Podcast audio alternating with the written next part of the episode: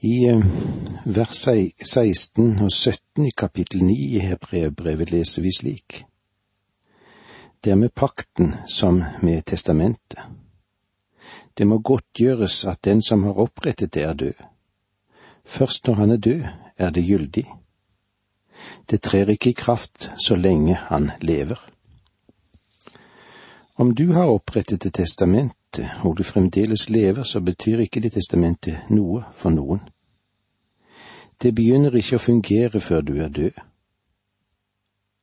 Det henvises her til et testamente som var opprettet av en mann som døde. Han kunne ikke frelse noe så lenge han levde. Nå må du ikke misforstå meg. Det jeg sier er at Kristi liv kunne ikke frelse deg. Det er Kristi død som frelser deg. Vi leser nå videre fra vers 18 til 22.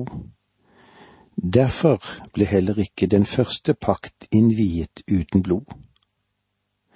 Da Moses hadde kunngjort for hele folket alle budene som står i loven, tok han blod av kalvene og bukkene sammen med vann, skarlagenrød ull og isopp, stenket så blodet på bokrullen og på hele folket og sa, Dette er blodet for den pakt som Gud har fastsatt for dere.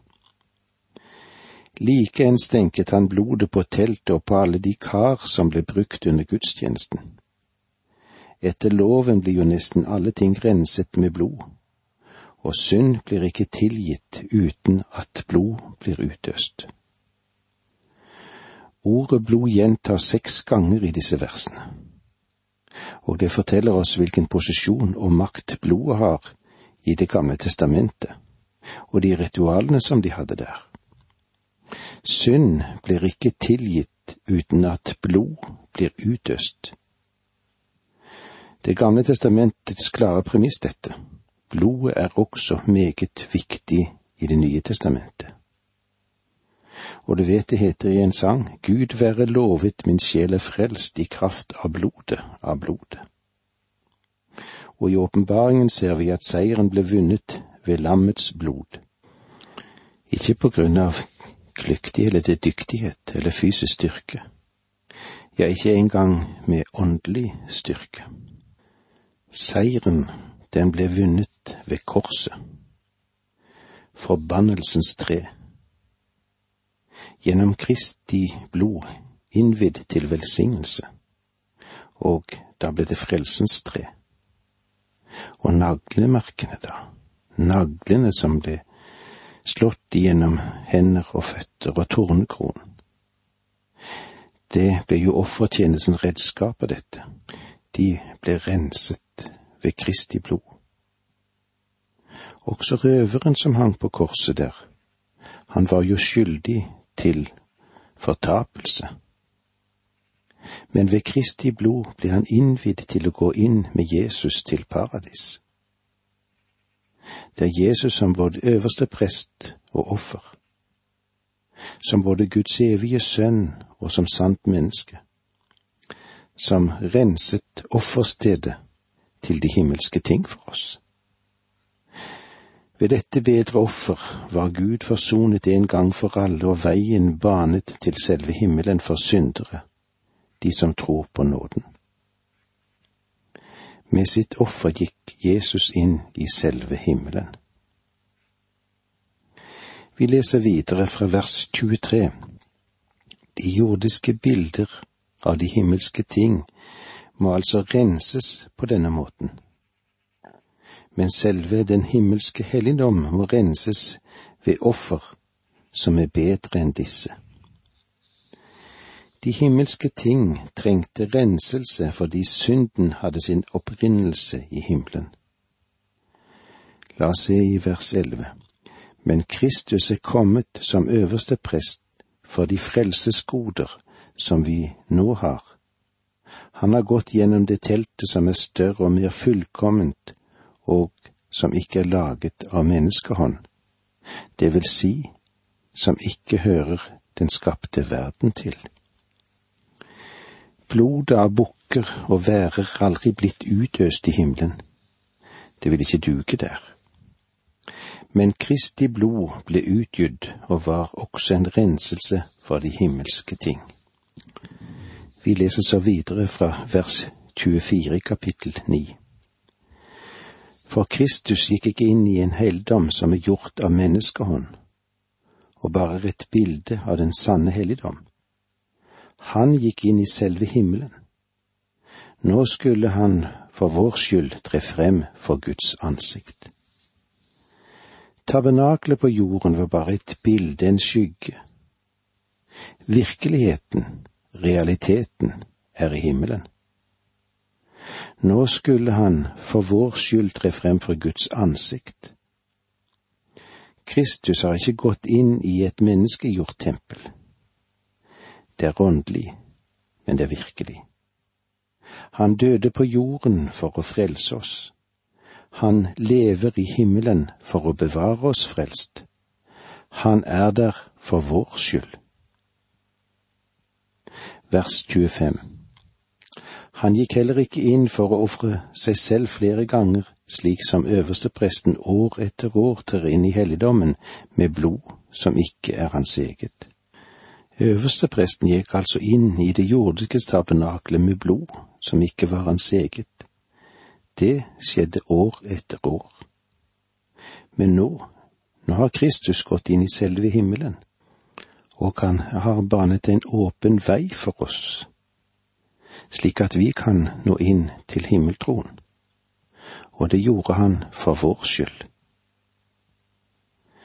La oss lese videre vers 26. I så fall måtte han ha lidd mange ganger siden verden ble grunnlagt. Men nå har han åpenbart seg en gang for alle ved tidenes ende for å utslette synden ved sitt offer.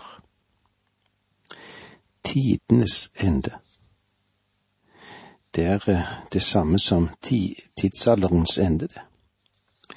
Dette henviser ikke til verdens ende, faktisk så lærer ikke Bibelen noe om verdens ende. Den taler om tidenes eller tidsalderens ende. Nå har han åpenbart seg en gang for alle for å utslette synden ved sitt offer.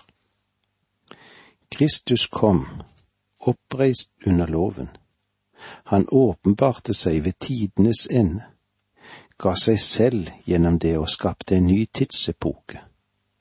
Han skapte nådens tid.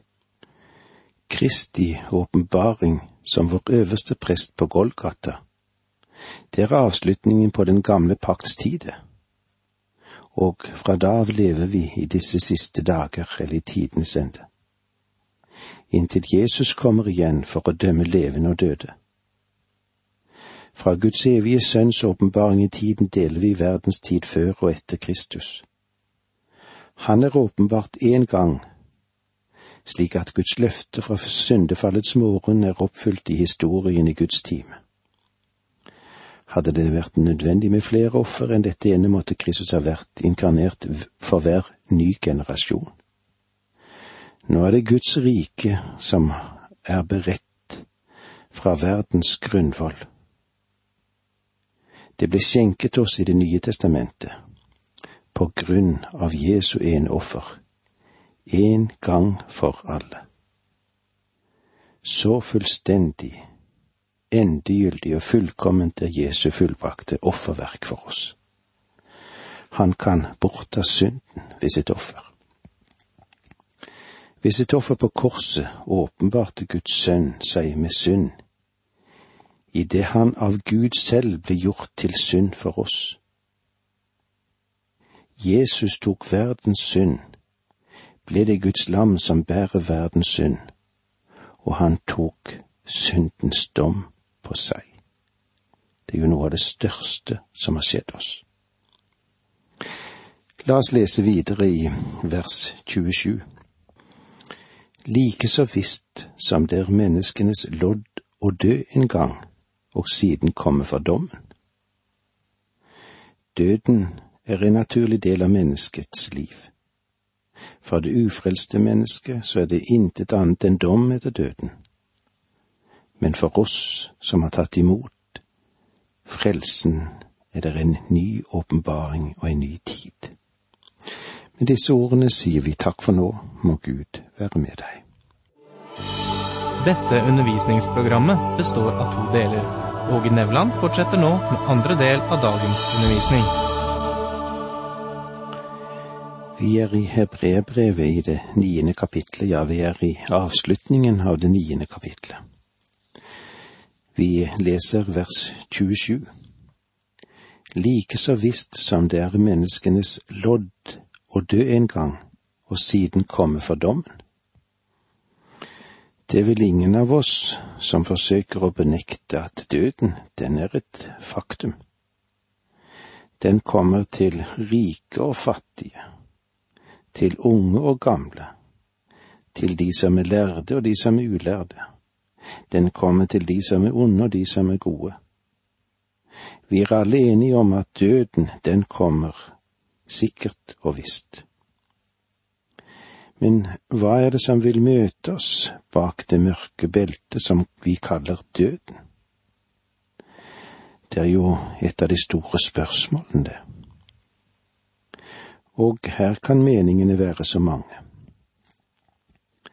Noen forsøker seg å si at eh, da er det slutt. Mennesket dør som et dyr og blir til jord igjen. Men Gud sier noe helt annet. Gud sier at det er et deretter. Dette lille ordet åpner utsynet for evighetens vidder, det. Hva er dette? Deretter kommer dommen, det kommer en dom. Dom er en endelig avgjørelse som aldri kan gjøres om igjen. Den menneskelige dom kan nok endres. Men nå, det som det taler om her, der er det Guds dom. Og det er tilværelsens høyeste domstol, det. Når Gud har avsagt dommen, er menneskeskjebne avgjort for evig. Og denne dommen, den skal være helt rettferdig som treets frykt blir sendt til fagmann for å bli bedømt, skal mine og dine gjerninger en gang veies på Guds vektskål. Vi skal dømmes etter vårt liv på jorden. Alle som lever uten Kristus, vil da se at alt det de gjorde, hadde en syndig tanke og et syndig utspring. Over livet som da blir domsavsettelsen, det blir og lyder som det, fortapt. Men den dag skal det komme noen som har renset sine kjortler i lammets blod. Deres urene liv, de blir renset. Kristus har fått frelst de. Frifinnelsesdommen, den blir lest opp og de går inn til den evige herlighet og hvile. Dommens dag blir den store dagen, det blir nådedagen. Frelst for evig. Og da behøver han aldri mer å frykte for synd og dom. Like så visst som det er menneskenes lodd en gang å dø, og siden komme for dommen. Som jeg sa, døden er ikke for alle mennesker, og det kan vi takke Gud for selv om det er klart at mennesket en gang skal dø. Men noen kommer ikke til å dø. Av og til håper jeg at jeg skal få leve til Jesus kommer igjen. Jeg vet ikke når det vil skje, men jeg ville ikke hatt noe imot det. Men om jeg skal gå gjennom dødens dal, så frykter jeg ikke for rundt. Det går mot livet. De gamle sang ofte den sangen Jeg går til himmelen, der er mitt hjem. Og dette er kanskje en sang som både du og jeg ofte går og nynner på. Jeg går til himmelen, der er mitt hjem, der er ei synd eller smerte. Der er det nye Jerusalem, der er mitt bevende hjerte. Der er hver glede jeg her har mist, hvert håp som her måtte fare. Der er min frelser, den Herre Krist, og pilegrimenes skare. Den reise gjør meg så fuglelett, så munter glad og frimodig, om enn mitt hjerte er sykt og trett og foten såret og blodig. Jeg går til himmelen, der er mitt hjem. Der er ei synd eller smerte. Der er det nye Jerusalem, og der er hele mitt hjerte. Denne sangen burde vi kanskje ofte nynne på, både du og jeg. La oss gå videre til vers 28, kapittel ni. Slik er også Kristus ofret en gang for å ta bort manges synder. Siden skal han for annen gang komme til syne. Ikke for syndens skyld, men for å frelse dem som venter på ham. Dette taler ikke om bortrykkelsen, men om hans komme som herskeren for å dømme dømmejorden. Men for troens folk, for oss, vil ikke dommen, han komme med dom. Når han åpenbarer seg for annen gang, da vil det ikke være for å løse syndespørsmålet. Han kommer ikke annen gang for å vandre rundt Galileasjøen, eller gå gjennom gatene i Jerusalem for å se hva menneskene vil gjøre med hans offer. Han kommer for å dømme. Derfor kan vi i dag si dette så enkelt som dette. Det er bare ett av to steder der du kan plassere din synd. Enten legger du synden på deg selv, eller så ligger den på Kristus. Om du ikke har akseptert Kristi offer, om du ikke stoler på ham som din forløser, om han ikke er noen autoritet for deg, da finnes det intet annet foran deg enn dommen ved den store, hvite trone. Ingen som stiger frem der vinner frelse, men alle vil få en redelig sjanse til å presentere sine gjerninger og oppdage at Gud hadde rett hele veien. Og nå har jeg nyheter til deg. Gud har alltid rett så derfor er det slik at hvis synden ligger på deg, så er det ingenting som kan fjerne den enn Jesu Kristi død. Når Kristus kommer neste gang, vil det være ikke for syndens skyld, men for å frelse dem som venter på ham. Og det betyr den avsluttende fase av frelsen. Vår frelse fungerer i tre tider jeg er blitt frelst. Jeg er frelst.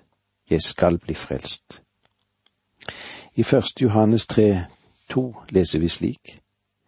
Mine kjære, nå er vi Guds barn, og det er ennå ikke blitt åpenbart hva vi skal bli. Vi vet at når Han åpenbarer seg, skal vi bli ham lik, for vi skal se ham som han er. Det kommer til å bli en veldig dag. Det skjedde en gang for alle, for han tok bort manges synder. Ikke alles, men manges.